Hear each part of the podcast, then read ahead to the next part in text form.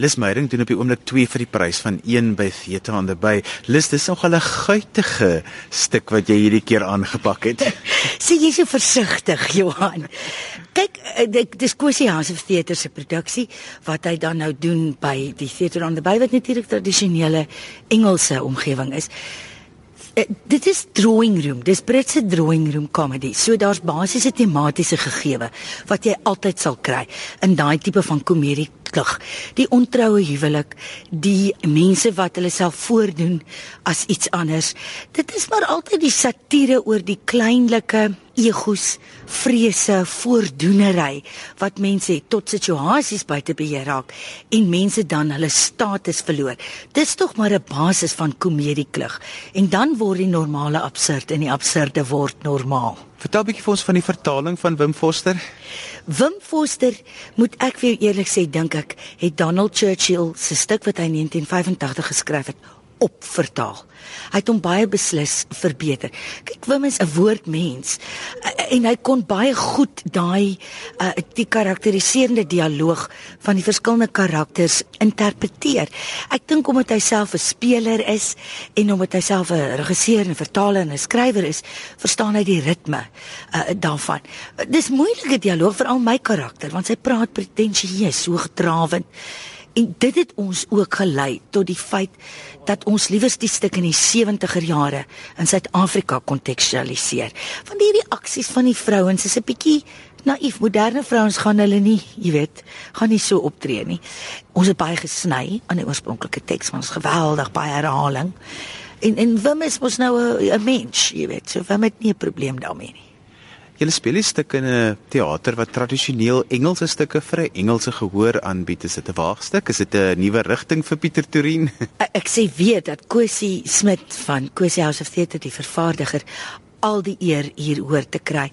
Die produksie in Gauteng van 2 vir die prys van 1 het alle rekords sedert die bestaan van die Monte Cassino teater wat tradisioneel net Engels was, oorskry.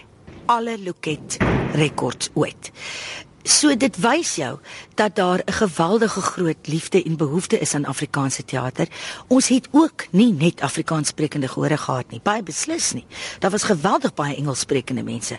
Indiër mense, bruin mense, swart mense vir wie Engels miskien ook 'n tweede taal is. Het kom kyk. Teater is 'n internasionale taal. Dit is en was nog altyd. En as dit iets is wat mense wil sien en hierdie stuk is vars, dis anders, daar is die normale elemente, maar daar's ook mooi fyn verwysings en slim satire. En ek dink dit spreek tot almal. Nou jy en Hannes werk gereeld saam, maar julle het die drie manskap so 'n bietjie uitgebrei vir die produksie. Vertel vir 'n bietjie van jou mede-akteurs. Hannes Miller en ek het geweldig al uh, baie saam gewerk. Ons het die eerste twee oorspronklik Afrikaans geskrewe pantomimes in Suid-Afrika geskep, Prologs en Bittergal, Spook van Donker Gat. Ons was deel van die Independent Performance Trust wat ons Skandaal 1 en Skandaal 2 wat ek en Dion Opperman geskryf het en Hannes soms ingekom het en gehelp het met bietjie van die dialoog en so aan. So ons ken mekaar goed. Dis verskriklik lekker om saam met Michelle Botha te werk. Sy's die derde persoon. Michelle is 'n opgeleide aktrise, het baie eh, dramas gedoen, was onder andere geweldig gewild en bewonder as die karakter Cornea ingetroud met rugby maar sy is ook 'n musiekblyspelspeler met 'n fenominale, fenominale sangstem. 'n Werklik ontwikkelde sangstem. So dis baie lekker om 'n nuwe element by te kry.